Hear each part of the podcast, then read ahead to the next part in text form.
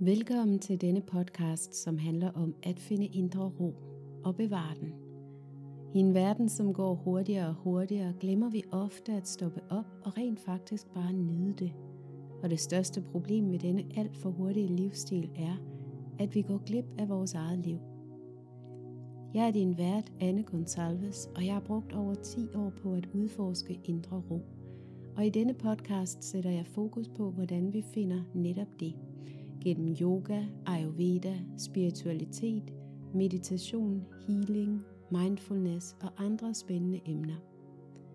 Revolutionen er også navnet på min medlemsklub, et online univers fyldt med ro, og den kan du læse mere om på min hjemmeside annegonsalves.com-ro. Men nu vil jeg gerne invitere dig til at holde en pause, sænke skuldrene, tage en dyb vejrtrækning og lytte med. Velkommen til revolutionen. Velkommen til Maria Lillelund, som er grundlægger af skolen for Soulwalk. Tak. Øhm, jeg kunne godt tænke mig at hoppe lige ud i det med et spørgsmål, som er 20 stjålet fra titlen af din øh, Facebook-gruppe, og det er, hvad fuck er Soulwalk? Og tak for det spørgsmål. Jamen, Soulwalk er en måde at tappe ind i spirituel intelligens øh, via kroppen. Man kan sige, at vi går jo rundt og er bevidste om meget mere, øh, end det vi kan nå at opfange med vores kognitive sind. Vi ved bare tit ikke, at vi er bevidste om det. Jeg ved for eksempel alt om dig og din forretning og dit kærlighedsliv, selvom jeg aldrig har set dig før. Øh, det, øh, det er bare information, der ligger i nogle lag, som jeg ikke har adgang til med min hjerne. Så Soulwalk er en måde at række ind i al den information, der også er til rådighed i det her univers, og som er ud over det, vi forstår med vores hoved. Øhm, og række ind i den information med kroppen som kanal. Så der er rigtig mange, der tror, at Soulwalk er at lytte til sin krop. Og det er det på sin vis også men det er også større end det. Fordi at vi gør kroppen til talerør og til mikrofon for den intelligens, øh, som vi gerne vil forbinde os med, og som er meget større end vores krop. Mm. Og øh, helt konkret, så tapper man sig på øh, brystbenet med nogle fingre, og så beder man den energi, man gerne vil se mere om, om at komme til stede inde i sig. Øhm, så hovedets eneste opgave, det er at observere, hvad sker der i min krop. Øh, fordi arme og ben og vejrtrækning og det sted, vi kigger hen, og de sensationer og fornemmelser, der kommer i kroppen, det er ligesom øh, med walkens svar til os. Det er ligesom den information, der viser sig på den måde. Øh. Så det kan vise sig både som sådan en fysisk bevægelse, at man begynder at bevæge armene, eller man begynder at danse, eller løbe, eller gå, eller stå stille? Jeg har haft en, der løb hen over græsset, mens hun råbte kykkeliky. Så det kan vise sig som øh, små og store kropsbevægelser. Øhm, man kan også soulwalk, øh, mens man sidder stille, eller ligger under dynen om natten. Øhm, så selvom det hedder soul walk, så behøver man ikke at gå. Jeg plejer at sige, at det er en god idé både at bevæge sig rundt med energien, øhm, fordi at det giver den nogle større udfoldelsesmuligheder, end hvis vi ligger under dynen, men at der også kan være rigtig fine walks, så man kan walke på indersiden ved at mærke de her subtile beskeder og forandringer, der kommer i energien. Mm. Ja. Og hvad er det for en energi, man så forbinder sig med? Ja, det må du selv om. Altså, det, jeg kalder det jo soul walk, for jeg kan godt lide tanken om, at vi kommunikerer med vores sjæl. Mm. Øhm, men om, altså, om du ser det som universet eller guddommelig bevidsthed, øhm, det er ikke så vigtigt. Altså det er bare det intelligente felt, som omgiver os, mm. øh, og som er større end det, vi kan tænke os til. Mm. Øhm, ja, hvad det rigtige navn så er for dig. Ja. ja. Du skriver inde på din hjemmeside, jeg er rå, us, ustoppelig kraft. Er det ikke det, du skriver? Jo, det Eller energi. godt, ikke? Ja, ja. ja. Øh, hvordan er du selv havnet der, mm-hmm. som denne her rå, ustoppelige kraft eller energi? Øh, og lige for at sige, at jeg følger dig jo på Facebook, og jeg er med i den her gruppe, Facebook-gruppe, som alle kan komme med ind i, hvis de er nysgerrige på Soulwalk. Ja. Øhm, og, øh, og meget af det, du kommunikerer ud, der kan jeg også bare mærke den her øh, sådan rå og sådan no bullshit energi. Øhm, og bare sådan, her er jeg. Øhm, hvordan er du? Har du altid været sådan, eller har det været en rejse at komme dertil, eller vil du fortælle lidt sådan om din, din En lille baggrund? smule om en rejse. Altså, jeg er der, fordi at det er det, min sjæl kommunikerer til mig hele tiden. Det er den energi, og jeg har en dyb bevidsthed om, at det er det, jeg er her for. For at lyse vej for andre. Øh, den direkte vej. øh, det har bestemt ikke altid været sådan. Jeg tror for 7-8 år siden er det nu, der gik jeg ned med stress og angst. Altså, jeg havde et helt almindeligt funktionærjob, øhm, og øh, på det tidspunkt havde jeg regnet i to år på, øh, hvad det ville koste mig at holde fri om onsdagen. Fordi jeg faktisk øh, drømte om at starte et eller andet selv. Men jeg turde ikke. Altså, jeg var så meget i mangel-vibe, at jeg bare øh, altså blev, hvor jeg var. Øhm, så to gange 10 år var jeg på forskellige arbejdspladser, også mange år efter, at jeg var blevet træt af og ked af at være der. Øhm, og jeg levede også i et forhold til min børns far, som havde været slut i lang tid, og som jeg var helt fastlåst i. Øhm, men det kunne jeg heller ikke se mig ud af, fordi at mine børn skulle ikke være skilsmissebørn og bla bla bla. Så ligegyldigt hvor jeg kiggede hen, øhm, så havde jeg ikke nogen øhm, valgmuligheder. Der var kun afmagt og det bliver man syg af. Så da jeg fik, øh, da jeg gik ned med stress, og jeg fik angst, så begyndte jeg at interessere mig for ting, jeg ikke interesseret mig for før, så man åben, så man i markedet for en anden mulighed. Hvad kan hjælpe mig? Alt er så fucked, ikke? Ja. Øhm, ja. Så det første, der skete dengang, det var, at jeg stødte på noget, som hed Access Consciousness, øhm, og som jeg har øh, praktiseret og studeret meget indgående og gør det ikke så meget mere, eller jeg gør det faktisk ikke mere, men det ligger stadigvæk som en undertone i mit arbejde. Særligt to ting fra det. Den ene ting er, at vi alle sammen selv har vores egen sandhed. Så det, der er sandt for dig, er ikke nødvendigvis sandt for mig. Og jo mere, at jo mere intime vi kan være med os selv, så at sige, at komme helt derind og mærke, hvad er i virkeligheden sandt for mig. Og selvom alle andre, hele min verden vil noget andet. Det er rigtig vigtigt i stedet for at søge svar uden for os selv.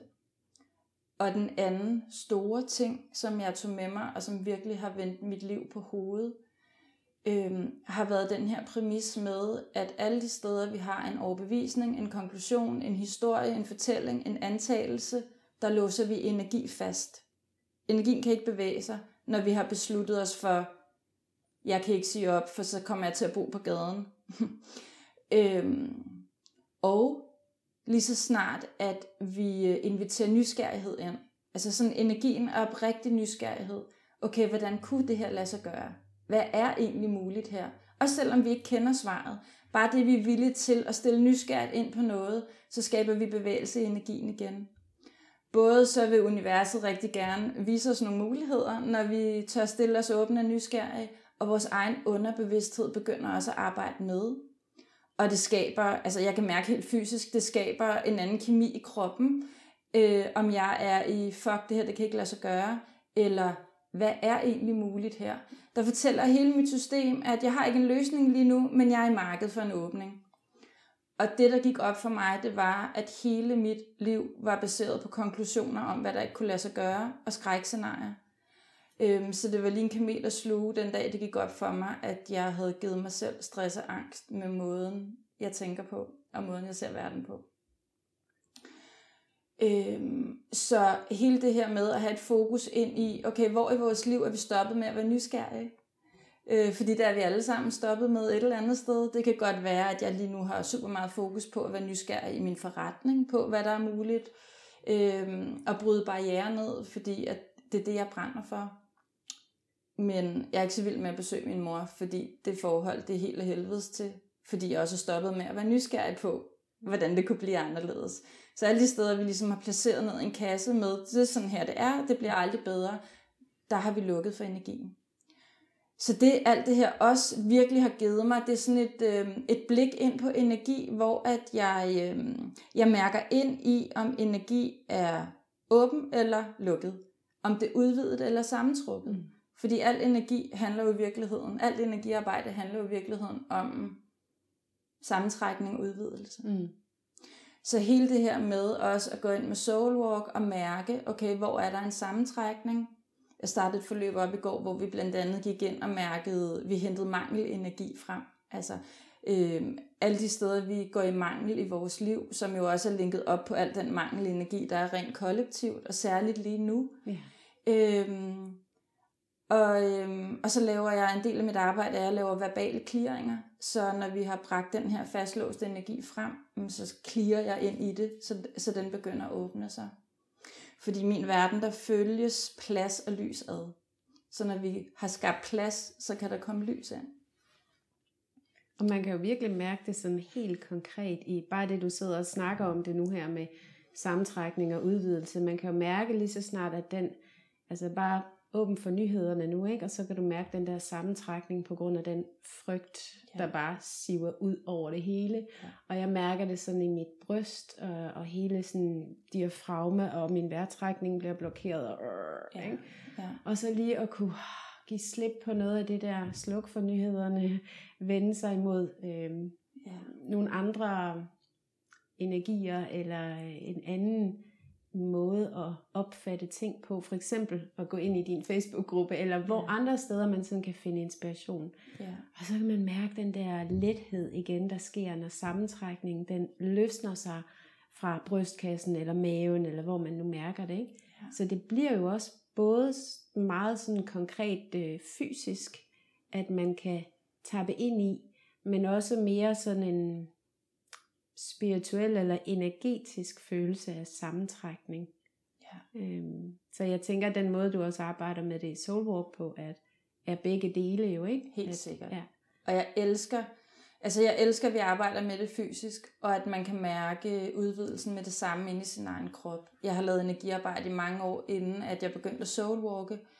Øhm, også, jeg har også lavet verbale clearinger, men det der med, at kroppen er kommet på på den her måde, øh, og at vi kan mærke, at okay, mit åndedræt stopper, og jeg får ondt i ryggen, og jeg får også ondt i lænden, og min arm gør sådan her, når jeg tapper ind i en mangeltilstand, min frygt for at mangle penge, eller hvad det nu end kan være. Og så kliger og løsner og taler ind i det derfra, og det er bare mega, mega fedt. Og det er også vigtigt, det du siger, det der med alle de der steder, hvor at vi bliver præsenteret for noget, der inviterer til sammentrækning. Øh, bare vi læser nyheder, eller går på Facebook, eller taler med hinanden. Øh, og i mit virke taler jeg rigtig meget om dobbelt opmærksomhed, som er dig, der har opmærksomhed på, at det trækker sig sammen i dig. Øh, at mens det trækker sig sammen i dig, og du mærker, at det sker, men så har du også en anden opmærksomhed på, at hey, der er noget, der har påvirket mig her, som har skabt den her sammentrækning. Fordi det er kun for det sted, at du kan udvide den igen med soulwalk eller med andre metoder. Men hvis vi ikke har den her dobbelte opmærksomhed, sådan, så vi også betragter os selv lidt udefra, mens det her sker, så er vi lidt fucked. Fordi så går vi jo bare rundt i energien af, at det er sådan her, det er. Mm. Og det er sådan her, det føles at være mig. Når vi i virkeligheden bare lige har taget hovedspring ned i en eller anden kollektiv mangelenergi, som vi kan tage os selv op af rigtig hurtigt faktisk. Ja. ja. Og det er jo den der, ja, netop med at træde ud og, og se på det hele lidt udefra. Og øhm, jeg underviser meget i Yoga Nidra, og der taler vi rigtig meget om det her med også at være den oplevende bevidsthed. Ja. Øhm, det er et smukt udtryk. Det er ja. derfra, vi kan ændre. Ja. Og det er derfra, vi kan vælge noget andet. Ja. Og det er derfra, vi kan skabe udvidelse igen. Ja. Vi kan jo alle sammen lynhurtigt blive fanget i denne her med, at nu, ja, nu lever vi simpelthen i en tid, hvor der er mangel. Så vi frygter for vinteren og gaspriser og energipriser og alt det her. Virkelig noget, vi får bliver bombarderet med hver gang, at vi lukker op for nyhederne eller Facebook for eksempel. Ikke? Øhm, og det kan jo også være rigtig svært, at en ting er at være øh, at skulle være fornuftig øh, på den måde, at man skal tænke i, at når vi har et vist øh, budget øh, per måned for eksempel, og ja, energipriserne stiger, øh, det skal jeg tage højde for, det kan være, at vi skal spare lidt og sådan noget, men mm, hvordan, hvis du skulle give et råd til, hvordan at vi kan øh, navigere i, i hele den der sådan mangel øh, energi, som vi simpelthen får presset ned over hovederne, øh, både fra medierne og fra politikerne lige nu. Øhm, hvordan kan vi gøre det? For jeg tror nemlig også på, at ja, en ting er som sagt at være fornuftig og sige, at jeg har de her penge, og de skal række til sådan og sådan. Øhm, men hvis jeg hele tiden går inde i den der frygtenergi og mangelenergi, og hele tiden tænker, at der er ikke nok, der, og det bliver bare værre og værre, så skal det sikkert også nok blive værre. Hvordan kan vi sætte os ud over det? Øhm, altså jeg gør det jo selv ved at tappe ud af det. Jeg gør det selv ved at anskue det som, det her det er et kæmpestort og sort og tykt bevidsthedslag. Det er en suppe, man kan tappe ind i, og man kan tappe ud af. Øhm, og det er ikke sandt. Altså, der er andre, der er andre bevidsthedslag, der er andre steder at fungere fra. Og det er jo voldsomt provokerende, når jeg siger, at det ikke er sandt, fordi vi kan jo lave lange lister med at se, hvad el kostede sidste år i forhold til i år, osv. osv., osv. Det er en fælde. Øhm, hele den her transformation, der er ved at ske i verden, hvor alt det gamle må falde fra, det her, Altså, og, og det er jo sådan, når gammelt må falde fra, så kommer det farne med 200 km i timen og hugtænderne fremme.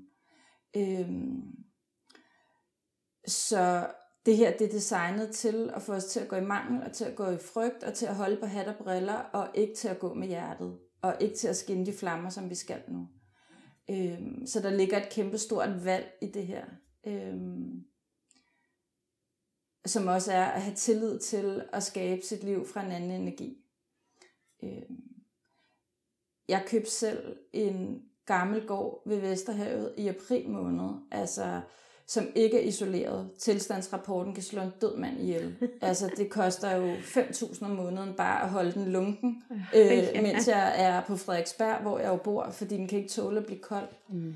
Så der stod jeg i, øh, øh, i det her med at, at mærke, øh, hvad min sjæl sagde til den her beslutning, og så hvad frygtmekanismerne sagde til den her beslutning. Og nu var det også en stor beslutning, fordi når man køber en gård, så er det ikke bare lige en, man sælger igen i morgen.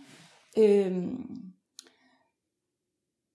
men jeg kunne simpelthen mærke, jeg kunne simpelthen mærke, at mit hjerte var ved at eksplodere, når jeg walkede, hvad det ville skabe for mig. Og så har jeg sådan en soul walk ved store beslutninger, jeg godt kan lide at gå, som handler om, at jeg walker, hvad det vil skabe om et år, om to år, om tre år. For det kan jo være relevant at kende den energi, når man skal lave en stor investering. Øhm, og så var der alle de her øh, skrækmekanismer øh, samtidig, som altså nogle nætter holdt mig vågen, hvor jeg var helt oppe og ligge på albuerne og trække vejret helt ned i maven, fordi jeg er også menneske. Øhm, jeg ved bare, at når jeg vælger ud fra det, som min sjæl viser mig, så får jeg hjælp. Der har jeg 3.000 eksempler på, som jeg ikke vil underholde dig med her. Og jeg ved også, at når jeg vælger fra den anden energi, altså, så vælger jeg for sammentrækning, og så skaber jeg mere sammentrækning.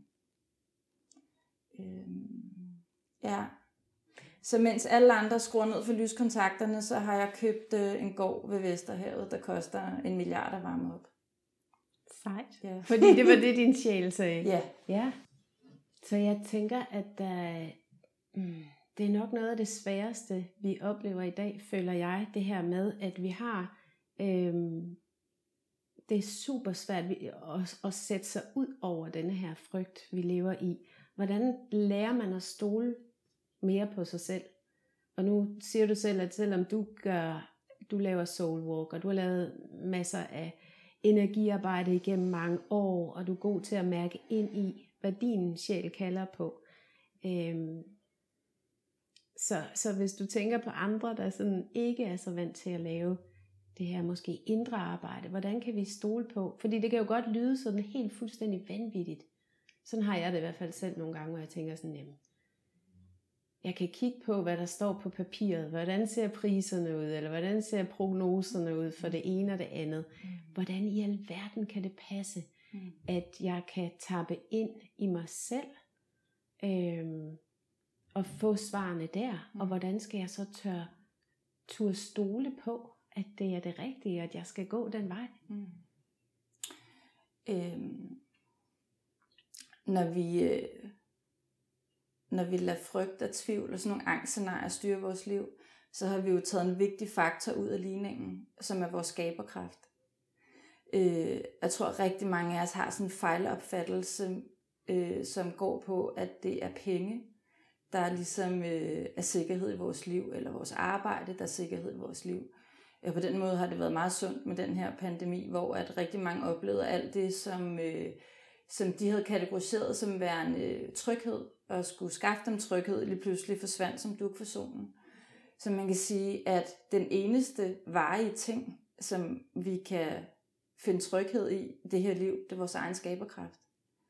Og den sætter, sætter vi fuldstændig ud af ligningen, når vi skal lade en eller anden prisstigning være øh, bestemmende for, øh, hvad vi vælger i vores liv. Øh, Vil du forklare lidt nærmere omkring, hvad du mener med skaberkraft? Jamen skaberkraft, det er min tillid til, at jeg kan skabe mit eget liv fra ingenting. Altså, jeg kan gå ud af min dør, og så alle de valg, jeg træffer i dag, summen af alle de valg, jeg træffer i dag, de udgør, hvordan min dag er blevet. Og summen af alle de valg, jeg træffer, ender jo med at udgøre mit liv. Øhm, og jeg soulwalker alle valg. Jeg selvfølgelig ikke, om jeg skal have te eller kaffe nødvendigvis, men alle større valg. Mm. Og så har jeg, altså der hvor jeg måske er rå og ustoppelig kraft, det er, at jeg fandme dedikeret mig til at følge den bevidsthed, jeg får. Fordi jeg får den så stærkt. Mm. Altså jeg kan fysisk mærke, at der er noget, der er større end mig selv, der svarer igennem mig. Øhm, og, øh, ja, og som jeg også nævnte før, at hver gang jeg tager skridt for det sted, og selvom jeg ikke tør, så får jeg hjælp. Øhm, og tillid er et valg. Mm. Og det er jo også mega provokerende at sige. Men, altså, men, men det er den måde, jeg ser det på. Jeg vælger at have tillid. Og selvfølgelig, jo flere fede ting jeg oplever, jo mere medvind jeg oplever, jo lettere er det for mig øh, at have tillid. Altså, jeg har kun været selvstændig siden 2019, og i år der runder en million i indkomst. Øh, og særligt det sidste år er det gået helt amok, fordi for et år siden besluttede jeg mig for at soulwalk alt i min forretning. Øhm, på den måde, at hvis jeg får en pissegod idé, og jeg walker dårligt på det, så gør jeg det ikke. Mm. Hvis jeg walker rigtig godt på et scenarie, så selvom jeg ikke tør, selvom jeg ikke ved hvordan, og selvom det vækker alle mine monstre, så gør jeg det. Så du gør også ting, som du er bange for? Jeg bestiller ikke andet end at gøre ting, som jeg er ved at skide bukserne over. øh, men en del af mit soulwalk-univers øh, er altså ikke kun at tappe ind i, når, hvad min sjæl siger til det her, at købe en gård, eller lave et retreat i Spanien, eller lave soulwalk-facilitatoruddannelsen, som også har været et kæmpe skridt for mig. Øhm, det tjekker jeg ind med først. Men det, jeg bruger 80% af min tid på, det er at gå ind og hente alle de steder i mig, der ikke vil med. Alle de steder i mig, der trækker sig sammen, øh, som går i frys, som ikke tør. Øh, og hvis vi bare stiller det op i rundetal, så kan jeg clear halvdelen af det med de verbale clearinger, jeg laver. Øh, og resten af det går jeg ind og fagner. Altså, jeg går ind og fagner det i mit nervesystem med soulwalk. Øh, sådan så, at når jeg så gør det, jeg skal gøre, så har jeg hele mig selv med. Ja. Og de her processer gør jeg nogle gange, flere gange hver evig eneste dag, hvis det er en stor ting, jeg skal kaste mig ud i. Mm. Så jeg er ikke bare sådan en, der kaster mig ud i det. Og så bare for at binde en, en krølle på det, du spørger med, hvordan får man tillid, og hvordan får man mod til det. I min verden er det mere modigt ikke at gøre det. I min verden er det mere modigt at bruge sit liv på at sidde over hjørnet og være bange for alle de skrækscenarier, man er stillet op. Mm. Fordi vi har kun det her liv lige nu. Mm. Ja. Jeg har en fornemmelse af, at der er rigtig mange, der gør det. Sidder i et ja. hjørne, og måske ikke udtrykker, hvem de egentlig er, eller bliver i jobbet lidt for længe, som du også selv har oplevet, ikke? at ja. vi kan hurtigt... Øh, jeg, kom, jeg sad med nogle tanker her på vej herhen i dag, og kom til at tænke på det her med, at noget jeg selv har oplevet før, også i flere forskellige situationer, i parforhold og i jobs og sådan noget, det her med, at vi, øh, hvad vil det egentlig sige, at vi lytter til os selv øh, et eller andet sted, så man også kalde det at være i alignment med sig selv, eller sin sjæl, øh, eller sit hjerte. Men nogle gange, fordi vi lever også sammen med andre mennesker, at vi vælger for eksempel at leve i et øh, parforhold, eller vi vælger at, at, at, at have et job et eller andet sted med andre mennesker. Og så kan man komme til at måske skulle træde lidt ved siden af sin egen sti og gå lidt skævt på foden, eller hvad det nu kan være, man kan billedligt talt. Ikke? Og så bliver denne her sådan, så træder man lidt mere skævt, og så træder man lidt mere skævt, og man lægger måske ikke mærke til det, fordi det sker over flere år. Og så lige pludselig en dag har jeg selv oplevet, i hvert fald i et forhold en gang, hvor det var sådan, jeg tænkte, hvordan filen er jeg havnet helt herude? Hvordan er jeg gået så forkert fra den sti, som egentlig er, er min sti? Men når man gør det sådan bit by bit, og så ikke lægger mærke til det, øh, og der tror jeg bare, at der er rigtig mange, der befinder sig, også i jobs, som er sådan lidt, øhm, så, så hvordan kan man hive sig selv hjem med soul walk, men også med, øh, ja, tilbage til den der tillid, men også med at begynde at nærme sig selv ja. igen. Ja. Altså jeg har jo selv rigtig meget været der, mm. inden jeg blev syg, ikke? Øhm, og, og, og skrevet helt væk fra mig selv. Øhm, det første man skal gøre, det er at vælge det. Altså, virkelig sådan vælge det. Det her, det ændrer sig fucking nu. Jeg vælger noget andet. Jeg ved ikke, hvordan det andet kommer til at se ud, men jeg vælger det nu. Rigtig meget forandring lykkes ikke, fordi vi har glemt at vælge det. Kan du godt følelsen af, når man virkelig vælger noget, altså helt indenfra, så går der ikke så lang tid før, at man også kan effektuere noget. Ja.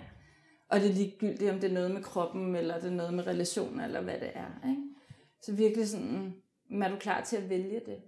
Og det næste, jeg vil gøre, det var at se på, hvad jeg er mest bange for her. Fordi det er jo frygt, der gør, altså, og det kan bare være en lille bitte subtil latent frygt, der gør, at vi hele tiden går lidt til venstre, når vi skulle have været til højre. Mm. Øhm, så jeg vil lave en liste med ting, jeg var bange for. Det gjorde jeg selv, da jeg ikke øh, kunne forestille mig at forlade min børns far så lavede jeg en liste med ting, jeg var bange for, som var alt fra at skulle bo på gaden til aldrig at have råd til flyverdragter eller ferier til at ødelægge min børns liv osv. Og så sad jeg lidt og kiggede på, okay, hvad for noget af det her er reelt? Og så begyndte jeg at stille spørgsmål. Så hvordan, hvordan ville det her kunne lade sig gøre? Altså, hvordan, øh, hvordan kunne jeg gøre det her på en måde, der var nærende for os alle sammen? Også for ham. Øh, hvordan kunne det komme til at løbe rundt øh, økonomisk? Øh, alt sådan noget. Og så fik jeg clearet på en hel masse, jeg har med fra min egen barndom, da mine forældre blev skilt og så videre, som har været med til at grundlægge de her overbevisninger om, at mine børn ikke skulle være skilsmissebørn. Så jeg vil sige valget, og så at se frygten i øjnene, øhm, og begynde at stille spørgsmål. Jeg tror rigtig mange, som er faret vild, ved ikke engang, hvad vej de så gerne vil hen. Mm. Øhm, og, øh, ja, og der kan man jo også bruge soul walk. Altså, jeg, jeg walker hver dag. Nu er jeg, hvad min sjæl vil råde mig til nu.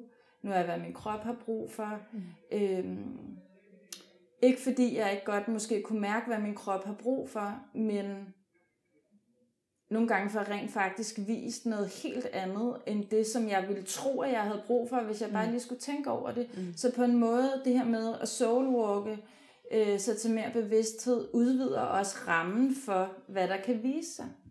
Men det er måske også igen det der med at, være, at træde ud over den mentale del, som vi jo alle sammen ja. lever i et samfund, ja. som er baseret på, jamen kan du tænke dig til det? Og nej, der er meget, vi ikke kan tænke os til. Ja. Men det er det, vi ligesom er opdraget med. Ja, ikke? ja. Men altså, dengang jeg var nede med stress, der rendte jeg jo til akupunktur og til yoga og til massage og til healing og til, og, altså, og det er jeg også taknemmelig for, det har hjulpet mig rigtig meget. Men hvis jeg havde kunne soulwalk den gang, og var stået op om morgenen og walket, nu er hvad min krop har brug for i dag, så var jeg gået i seng igen. Altså, ja. Så nogle gange er det også nogle helt enkle ting, vi overser, fordi at vi er kloge, og vi ved, hvad der er godt for os. Øhm. Og det jeg også tit ser omkring mig, det er, at vi mærker ind i vores behov, og hvad vores hjerte kalder på, og så videre, nede i en kasse.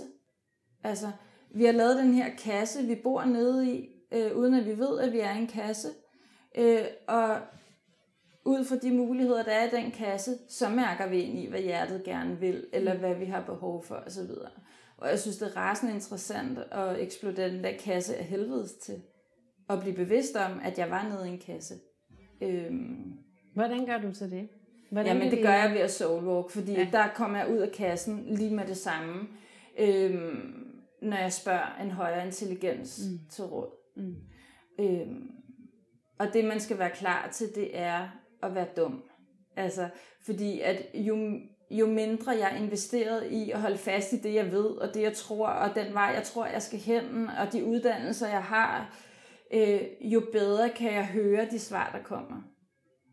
Så hvis jeg kun kan høre noget, der i forvejen passer ind i det, jeg har tænkt, jamen så kan jeg jo kun modtage en begrænset mængde information. Ja. Og det vil vi jo altid gøre. Vi vil jo altid være begrænset af vores virkelighedsopfattelse. Men den kan vi virkelig godt arbejde på, mange af os. Ja. Øhm, både de muligheder, vi ser for os selv, men også vores forestillingsevne. Altså. Hvis du behandler, og øh, du giver du måske har en behandling på dit program, og det vildeste, du kan forestille dig, det er at lave et klippekort med seks behandlinger, så er der noget at arbejde med. Mm. Der har selv været. Jeg har selv ligesom været hende, der kunne give en behandling. Øhm, og lige nu har jeg skolen for Soulwalk og en gård ved Vesterhavet og uddanner Soulwalk facilitator og så videre, så videre, så videre. Og det er jo den her sådan ongoing ongoing arbejde med at udvide rammen for, hvad jeg kan forestille mig er muligt. Mm. Som er mega, mega vigtigt. Ja. Ja. Men den kan være svær at bryde ud af, fordi vi også, altså igen vores samfund, de fleste af os er opvokset i nogle bestemte kasser. Og de kan være mega svære at bryde ud med. Ja. Eller lige nu der står jeg selv i et valg i forhold til min datter, øh, er lige begyndt i skole i 0. klasse. Og øh, det er en, jeg tror, det er en rigtig fin skole. Indtil mm. videre har vi en god fornemmelse for det. Men jeg har også bare lyst til at bryde den der skoleramme og lave noget andet med hende. Øhm, så det er sådan et, et, et valg, jeg står med lige nu. Mm, skal hun ud af skolen, eller skal jeg hjemmeskole? Men jeg har også brug for tid til mig selv, så jeg kan ikke forestille mig at hjemmeskole sådan 100%. Eller, men Ja, så det er svært nogle gange egentlig at kunne, det kan være, at jeg skal prøve soulwalk på det, men det kan være svært at se, også når man prøver at søge, hvad for nogle løsningsmuligheder kan der være. Ikke? Øhm. Men jeg kan godt lide det der med, at du siger, at det vigtigste det er at træffe beslutningen. Øhm, og sjovt nok, så skrev jeg ind på min øh, Instagram her for nogle uger siden, lavede jeg sådan et opslag, hvor jeg skrev, det vigtigste du kan gøre for at finde indre ro, det er at vælge det. Ja. Fordi at hvis vi ikke tager valget, øh, men er bare hele tiden karter rundt der, så kommer vi jo ikke, eller så går så vi måske ikke så... på listen ja, hele tiden. Ikke? Ja, ja. ja. Øhm, men jeg kan også godt lide det, du siger med at clear noget. Øhm, og når du siger clear, så tænker jeg, at du går ind og tillader de følelser, begrænsninger, øhm, øh, frygt, eller hvad det nu kan være, der dukker op, og så prøver du ligesom at rense det ud, ud af kroppen, ud af bevidstheden. Hvordan kan du sætte et par ord på det? Jeg bruger det på forskellige måder. Øhm, nogle gange kommer der en energi til stede af sig selv, bare ved en samtale. Så bliver ja, den bagvedliggende energi tydelig.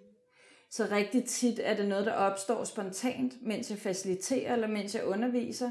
Øh, jeg taler om et bestemt emne, for eksempel mangel, og så kan jeg mærke, okay, jeg er lige ved at kaste op her, jeg kan ikke trække vejret. Der sidder 40 mennesker med al deres mangelpis øh, og lytter. Øhm, og så indkredser jeg den energi ved bare at sige, alt hvad det her er, alt hvad der holder det på plads, vil I sende det afsted med kærlighed. Og det vil de som regel gerne. Og så siger jeg bare, sæt fri, sæt fri, sæt fri. Sæt fri, sæt fri, sæt fri. Og nu sidder du og vifter med armene, ja. det gjorde du også på den Ja, øh, og det er, det er min måde at flytte energi på, ja. fordi ellers så koger jeg af. Øhm, og hvis jeg kan mærke, at noget er hæftigt og sidder godt fast, som det også gør med mangel, så øh, har jeg nogle andre måder at klire på, hvor vi også sender energien tilbage til rette tid og til rette sted, og ja, piller alle de velcro-punkter af, som vi har, der godt vil trække det tilbage igen. Det er sådan lidt mere teknisk, men alligevel ret enkelt. Øhm, og min oplevelse er, at den del, jeg kan klire på den her måde, det er det, som vi egentlig er vokset ud af, men som vi stadigvæk har med os. Mm. Øhm, det, vi har transformeret, men som stadig bare hænger i vores energi. Mm. Øh, overbevisninger, som vi egentlig har ændret, men sammentrækningen fra dem sidder stadigvæk i vores vibe. Så Eller en måde at være på, som vi har været i 100 år. Ja. Vi kender måske ikke rigtig ja. andet, selvom Nej. vi er Præcis. forandret. Tit har vi også hele vores families pis siddende mm. i vores system, selvom vi selv er brudt ud. Ja. Og det kan være flere generationer gammelt. Der kan også sidde, bliver lidt spacey, der kan også sidde klæbeånder i det her felt, øh, som bare elsker sammentrækning. Øh, så klæbeånder kommer også tit til syne i en soulwalk, fordi at de jo også får krop og ben, når man tapper ind i dem. Øh, så alt det laver jeg verbale clearinger på, og det kan man mærke kropsligt, når det letter. Og så kan der være noget tilbage, særligt hvis det er frygt og tvivl, vi taler om, som kan være vores egen fuldstændig naturlige usikkerhed, som vi skal have, når vi skal tage et nyt skridt, som vi ikke har prøvet før. Mm. Øhm, og, og der, kan vi, der soulwalker vi ind i den energi, vi henter den ud, og så spørger vi den, hvad den har brug for, og så går vi, øhm, så går vi ind og krammer den, så den smelter. Det er meget smukt. Der ligger en gratis fil på min hjemmeside, der hedder Skab ro i dit nervesystem med Soulwalk på en mm. time, hvor jeg gennemgår det her, hvis man vil se det. Det koster ikke noget. Øhm, og det er faktisk øh, sådan nøglewalken, øh, som jeg bruger på mig selv også, når jeg skal noget, jeg ikke tør. Fordi at jeg venter ikke på, at det fucker med mig, eller at jeg får det dårligt, eller skifter mening. Jeg ved, at det er derinde et sted, så når jeg har taget en beslutning, som er lidt stor, så går jeg lige efter ind og henter det sted frem inde i mig, der ikke vil med, og giver det krop, mm. og giver det, hvad det har brug for. Mm. Så det er sådan lidt at være på forkant, fordi det, det kommer altid til at stoppe os. Jeg kalder det også nogle gange elastikken i ryggen. Øh, ja. Så nogle gange walker jeg også bare ind og beder om at se min elastik i ryggen. Øh, ja, og det der er smukt ved det, det er, at når jeg så, eller når vi walker, hvad der er brug for, og nu er jeg mig, når jeg holder det her sted, så kommer den energi, der matcher 100% den usikkerhed, der trådt frem. Så det er ikke min, min hjerne, der tænker, nu skal jeg sige de her trøstende ord, eller jeg skal gøre på den her måde. Det sker sig selv, og det matcher 100%. Så næste gang jeg bringer en usikkerhed frem, som er en lille smule anderledes i sin natur, men så kommer der den energi, der matcher den 100%. Mm. Ja. Det er amazing. Ja, wow.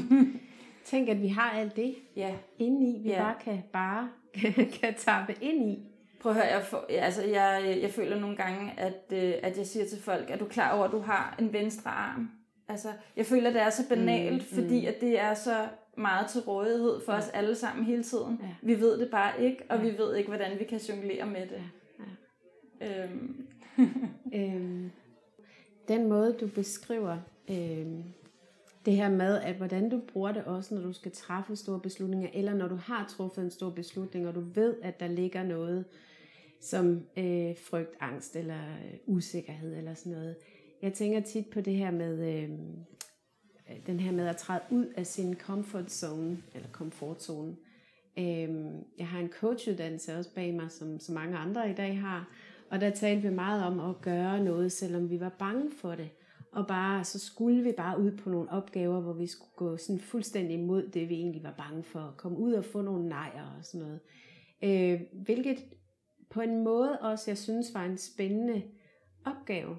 Men samtidig så kunne jeg mærke, at det landede ikke helt i mig, fordi en ting var at gå ud af min comfort zone øh, på den måde, hvor jeg sådan bare stod og var ved at skide i bukserne af skræk. Og så tænkte jeg sådan, jamen, så er jeg jo ikke mig selv med alligevel så kan jeg sådan med vold og magtagtigt gå ud og, og, og bevise over for mig selv, ej, jeg kunne sgu godt. Og så kan det godt være, at jeg vil komme tilbage fra den oplevelse og føle, at åh, der, der rykkede jeg mig virkelig.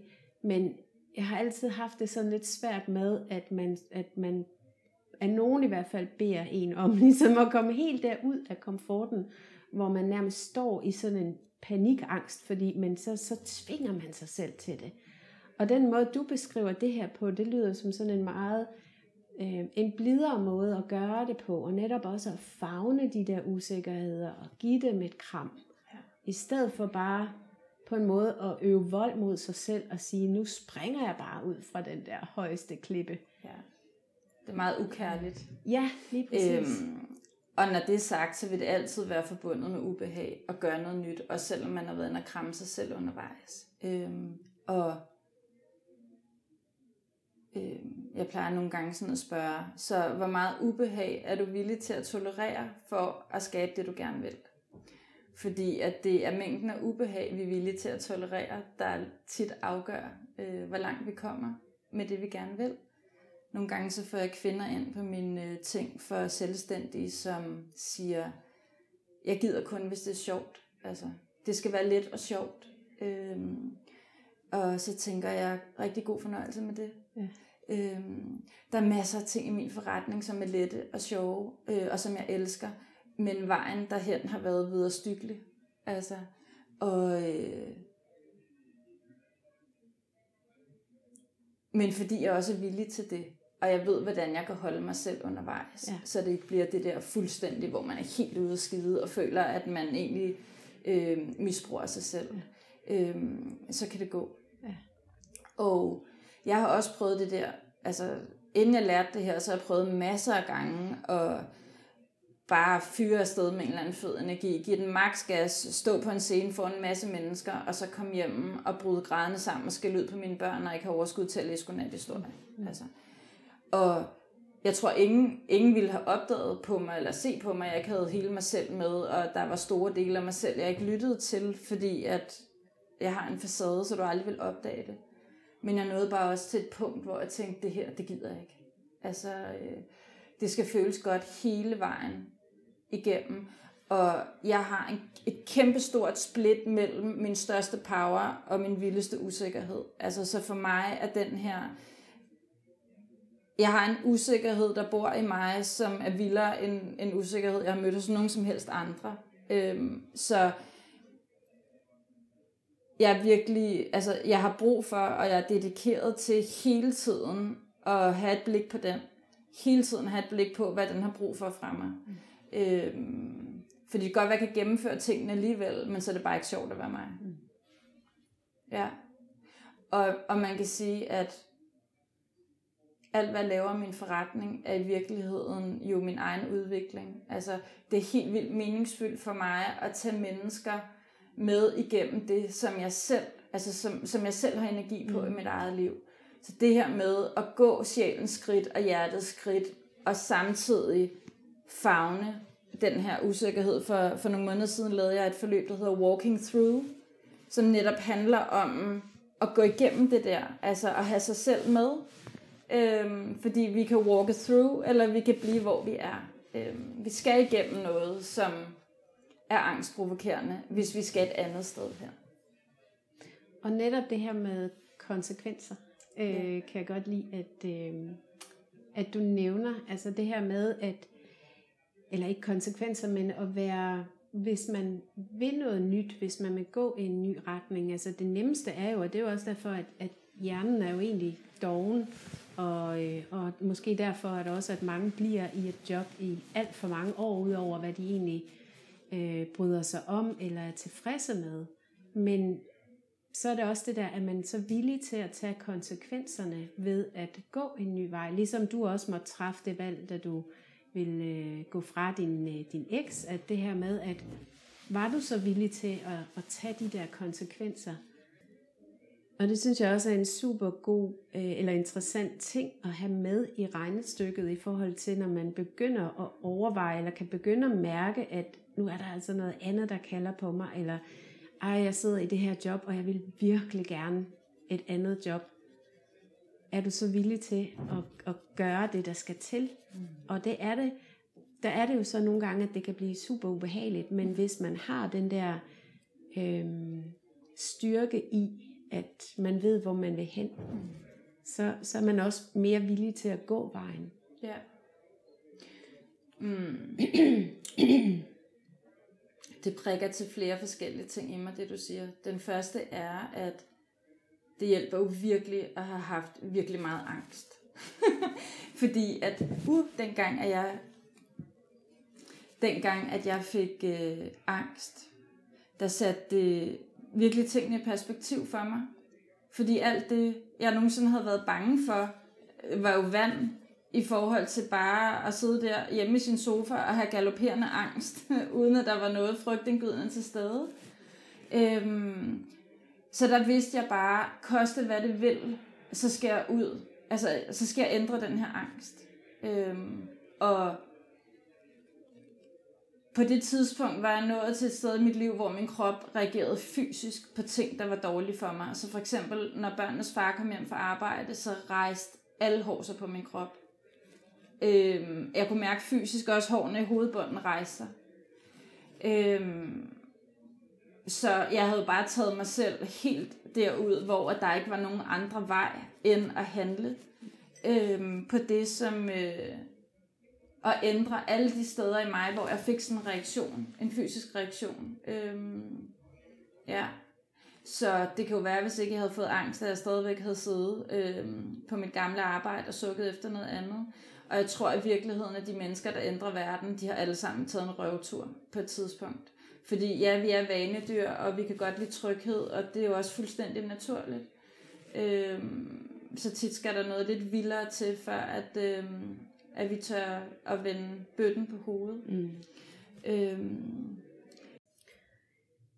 Nej, så det her med indre, øh, eller det her med at, at være villig til også at, at tage de konsekvenser, der er på, for ens beslutninger. Nogle gange må man jo også bare indse, at det kan godt være, at jeg er her ved det her punkt, og jeg vil hellere være derover ved det der punkt. Jeg begynder at tænke og mærke og finde ud af, hvordan, hvor, hvordan er vejen derhen. Og så finder jeg ud af, at konsekvenserne er for store, eller i hvert fald, jeg er ikke villig til at tage dem lige nu. Nej. Men det kan man jo også finde rigtig meget fred med. Ja. Så kan man sige til sin sjæl, jeg hører, hvad du siger. Jeg arbejder på sagen. Jeg er ikke villig til det lige nu. Og så skal man passe frygtelig meget på, når man kigger på konsekvenser. Fordi konsekvenser er bare en øh, perlekæde af overbevisninger. Vi ved jo ikke, hvad, om det er det, der sker, vel? Øhm, så, øh, og tit så ved vi heller ikke, hvad vejen øh, er hen til det, vi gerne vil. Så både det der med at skulle tænke sig til en vej, og skulle tænke sig til nogle konsekvenser, er i virkeligheden at sætte begrænsende overbevisninger på snor. Øhm, og øh, i virkeligheden har vi kun brug for at vide det første skridt. Og det ved vi jo godt. Så viser, altså tingene opstår jo undervejs på nogle helt andre måder, end, øh, end vi kan forudse, hvis vi er villige til at være i energien af nysgerrighed. Ja. Hvis jeg, altså, jeg kunne godt have en øh, overbevisning om, at en konsekvens ved at gå for børnenes far var, at jeg ville smadre min børns liv, og at alt muligt. Men fordi at jeg blev ved med at være nysgerrig på, hvordan kan vi gøre det her på en måde, der er nærende, øh, hvordan kan jeg være med til at forbedre deres tilværelse med det her, og så videre, så det er jo netop det, der er sket. Mm. Øhm, og et rigtig sjovt eksempel, jeg har, eller jeg ved ikke, om det er sjovt, men da jeg havde taget beslutninger, inden de fik at vide, at vi skulle skilles, så tror jeg, der var tre forskellige, der sagde til mig, den dag I siger det til børnene, der rammer du bunden, så kan det kun gå fremad derfra. Så da jeg hørte det tre gange, så tænkte jeg, fuck en vild overbevisning. og hvordan kan jeg skabe, altså hvordan kan jeg formidle den her information på en måde, der er nærende for os alle sammen. Øhm, og det kunne jeg. Altså vi sad i køkkenet, lyset væltede ind af vinduet, og jeg fik bare sagt det fra en energi, som ikke vagte opstandelse, og øhm, deres far havde fået en lejlighed i samme ejendom, så de kunne komme op og se deres nye værelse, og min søn ville gerne vide, hvem der skulle tænde grillen de uger, de var hos mig. Og sådan, så det var ligesom på det niveau. Og selvfølgelig har der været reaktioner, men det har været blødt, og det har været rart. Øh, men lige der i situationen, der tænkte jeg bare, yes. Fordi jeg kunne have gået ud og reproduceret det scenarie, som jeg ligesom havde fået øh, præsenteret tre gange nu med at ramme bunden, og at det skulle være helt vildt af helvedes til at formidle det her. Ikke? Og så lykkedes det mig, fordi jeg blev ved med at være nysgerrig og stille ind på og spørge om, hvordan kan jeg gøre det her fra en energi, der er nærende, og hvordan kan jeg gøre det her på en måde, der fungerer for os alle sammen. Mm. Altså skabte det bare sig selv. Ja, øhm, hvor er det smukt. Ja. Og, og egentlig også øh, en, en super fin forklaring på, nu vi taler om det her med konsekvenser, ikke? at man skal være villig til også at tage de konsekvenser, eller for at gå vejen, men hvor stammer de der i en konsekvenser så fra, hvad er det, vi kan regne ud på forhånd. Der er nogle, ofte nogle ting, nogle skridt, vi kan se, okay, det og det kommer til at ske. Ja. I skulle flytte fra hinanden i to forskellige lejligheder. Øh, det er sådan nogle ting, I, I vidste, der vil komme til at ske.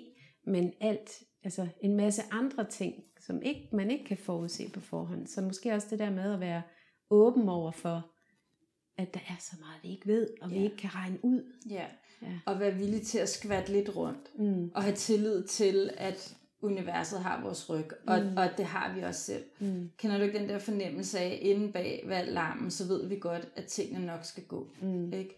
Og, det, og det handler jo om at hente den frem, og have tillid til den. Ja. Og i virkeligheden, det der, du siger med at have den der konsekvensberegner fremme, det er jo også det, der dræber al kreativitet. Altså jeg coacher jo rigtig mange selvstændige, og det der tit sker er, at de mærker en inspiration. De har lyst til et eller andet. Øh, der er et eller andet, uh, at de kan bare mærke det i kroppen, og så går der 8 sekunder, og så er de flyttet sig fra det, fordi de er i gang med at kvalitetssikre det. De er i gang med at konsekvensberegne. De er i gang med at finde ud af, om der er nogen, der vil købe det. Øh, og sådan kan man ikke skabe noget. Vi skal være villige til at blive hos den der inspiration. Øhm, at være udforskende og være nysgerrige, ligesom børn, der sidder og bygger, øh, bygger ting i sandkassen.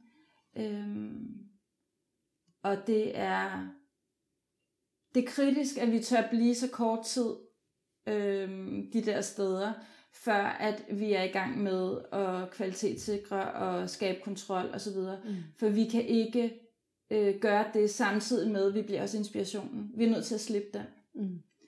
Og det er rigtig ærgerligt. Ja. Så vi kan ikke regne den ud? Vi kan ikke regne den ud. Det ved vi jo godt, vi ikke kan, selvom vi rigtig gerne vil. Ja. ja. ja. Øhm, når du arbejder med andre selvstændige, eller øhm, dem du har i forløb hos dig, i forhold til indre ro, hvad ser du så, der sker i folk? Finder de roen, når de tapper ind og lærer at tappe ind og soulwalke og Øhm, hvordan har du oplevet det? Altså med soulwalk er det jo som med alt andet, at du kan få det ud af det, som du ligger i det. Mm. Øhm, så jeg ser jo både mennesker, der ændrer hele deres liv og deres forretning. Og så ser jeg nogen, som walker lidt og walker ud og ikke rigtig bruger det. Øhm, jeg har aldrig tænkt på det i forhold til ro. Måske har jeg mere tænkt det i forhold til retning. Mm. Øhm, at det er en måde at finde retning på som jo skaber ro i sig selv, fordi at på en, på en eller anden måde bliver det enkelt, når det her det er ens navigationssystem. Og hvis man bliver bombarderet eller får serveret input udefra, jamen så kan man teste dem ved at soulwalk. Hvad vil det her skabe for mit liv? Og bare mærke, okay, det var bare mit hoved, der tænkte, at kursus var en god idé, eller hvad det nu kan være. Mm. Øhm, jeg oplever sindssygt mange mennesker, og særligt de sidste halve år, øh, skrive til mig, at det føles som at komme hjem. Øh, Hvilket altså, de jo også gør, ja. ikke? De, fordi de, de lærer ja. at tappe ind i sig selv. Ja. ja.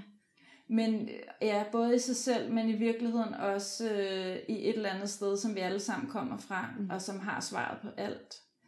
Og øhm, ja, det talte vi også om, inden vi tændte den der, at det er sindssygt svært at forklare det her, før mm. man har prøvet det. Øhm, i mit eget liv, så skaber det ro og soulwalk min retning, fordi at det ikke er til diskussion. Og jeg er jo ellers sindssygt hovedmenneske. det bliver mange overrasket over at mhm. høre. Øh, fordi de tror, jeg er sådan en kropsguru. Jeg er sindssygt hovedmenneske. Så det her med at øh, slukke for den der pinball machine og analyseapparat og soulwalke, altså får sindssygt mange gode idéer osv., og, og det vil jeg også lige sige, det handler jo ikke bare om at slukke hovedet. Øh, jo mere vi også kan bringe vores intellekt i spil i forhold til det, vi sanser, jo mere lettere bliver det også at skabe noget i den ydre verden.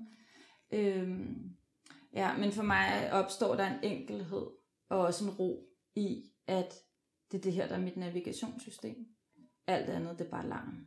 Mm. Øh, ja. Og også øh, en anden dedikation til at skabe kropslig ro og skabe ro og enkelhed i min hverdag.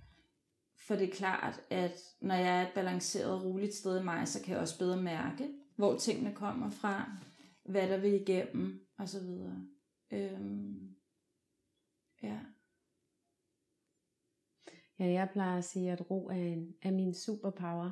Ja. Øh, fordi når jeg kan tappe ind i den, og, og altså, vi alle sammen glemmer os selv indimellem, ikke? og så far vi ud i og begraver hovedet i Facebook og scroller, eller bliver påvirket af nyhederne, eller hvad det nu kan være. Ikke? ja. Øh, og så lige så snart jeg finder ind til den der kerne af indre ro, så er jeg igen landet hjemme i mig selv. ja. Og så bliver det til en superpower, for jeg får kræfterne til at træffe de beslutninger, der er rigtige for mig, og dermed også den, at jeg bliver endnu mere glad, eller rolig, eller stærk, eller hvad det nu er, jeg, jeg har brug for at tappe ind i. ja. Øhm, Og det, det kan jeg så godt relatere til. Jeg plejer at sige, at alt hvad vi nogensinde har brug for, øhm, det ligger allerede i vores rygsøjle.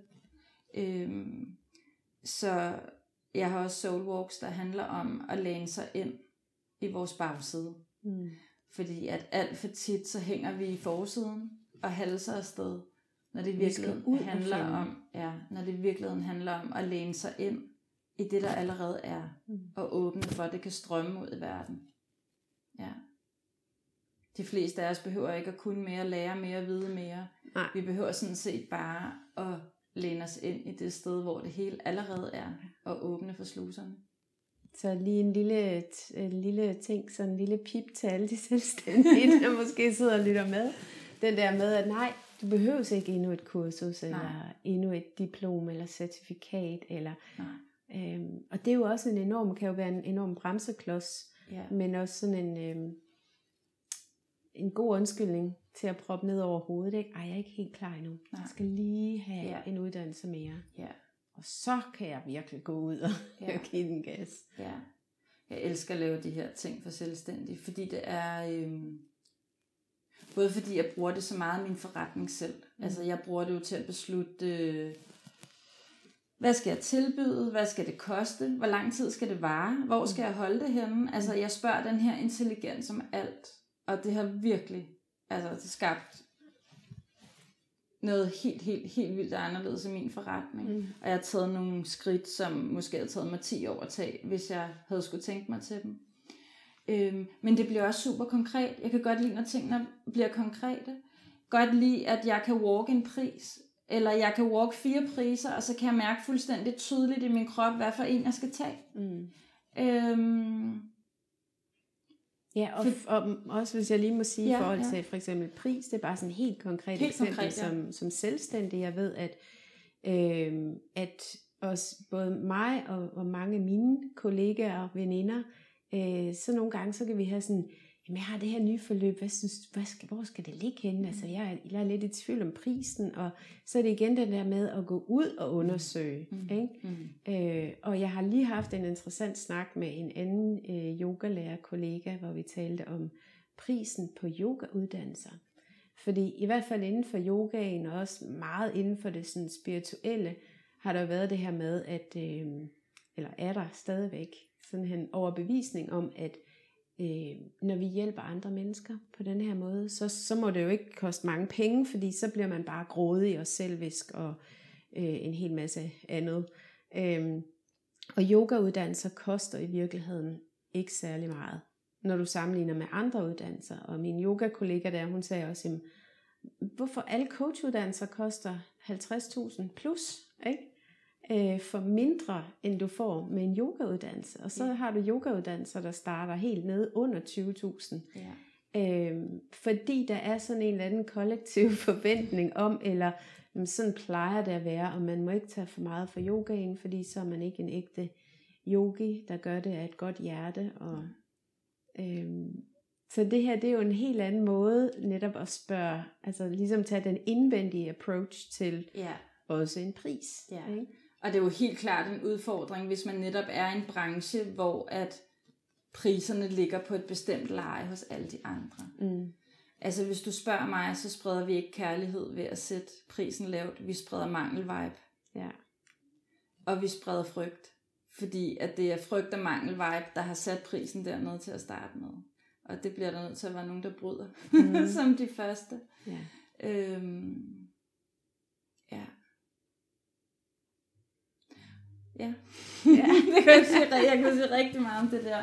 Øh, og der har jo også bare været sådan en tendens til, at alt hvad der handler om kroppen, er mindre værd end, end, Ja. end ting, som indeholder kognitiv viden. Ja, Øhm, ja. Ja, og det er jo så sindssygt. Bare Ja. ja. igen tilbage Ja. ja. til eksemplet med coachuddannelser, der starter ved 50.000 og Ja. op efter, ikke? Ja. og yogauddannelser, der starter på, det ved jeg ikke, 15.000 eller sådan noget. Ja. Er det er helt godnat. Ja. I virkeligheden, så, så vil jeg jo gerne have byttet den der om. Ja. Fordi hvad vi ikke har adgang til i Ja. kroppen, og Ja. hvor vigtigt det er for vores helbred, for vores liv, Ja. og, og, og være til stede i kroppen, ikke bare for at, at kunne tappe ind i den til det, du laver, men også bare sådan helt fysisk helbredet, øh, at kigge på det fra den vinkel. Ikke? Ja. Øhm, men det er, jeg tror altså, der er lidt vej igen der. Ja. Det er der. Ja. Øhm, hvis du skulle give sådan et, øhm, et godt råd, eller dit bedste tip til at finde indre ro, hvad, øh, hvad vil du så skyde afsted her?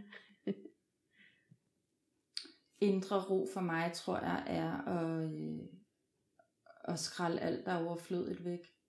Så det er jo både sådan en, øh, altså en bevægelse i livet, hvor vi får skilt os af med ting og vaner og rutiner og så videre, der er unødvendige og overflødige, som ikke er nærende. Øhm.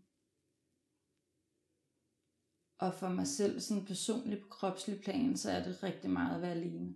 Altså, øh, at være alene, øh, at være i stillhed, at være i naturen. Der er en grund til at købe gården ved Vesterhavet, fordi at der kan min sjæl være, der er der plads. Og så bruger jeg også forskellige soul walks, som ligesom hjælper mig med at slukke hovedet, og som jeg ikke vil underholde med i dag, og få mig ned i kroppen. Øhm, men det der med at være uden andre, og være alene, og rigtig gerne være i naturen, så kalibrerer tingene af sig selv. Mm. Øhm, ja, det er min egen favorit. Kombi. Ja. Tusind tak, fordi du vil dele alt det her og spændende omkring Soul Walk. Øhm, så jeg håber, at øh, lytterne her er blevet lidt klogere på, hvad fuck er Soul Walk. det er ikke sikkert. det er ikke sikkert. Nej. Men ellers så kan man gå ind på din hjemmeside og Ja. ja. kigge marialillelund.com. Ja. Og H, H bag på Maria. Ja. Ja, Maria. Og jeg linker også lige til det Ja. her. I, Ja, Så tak, fordi du ville være med. det var hyggeligt. Tusind tak, fordi du lyttede med til Revolutionen. Hvis du vil læse mere om mit online-univers, mine yogauddannelser og yoga-retreats og tidligere afsnit af podcasten, så klik ind på min hjemmeside annegonsalves.com.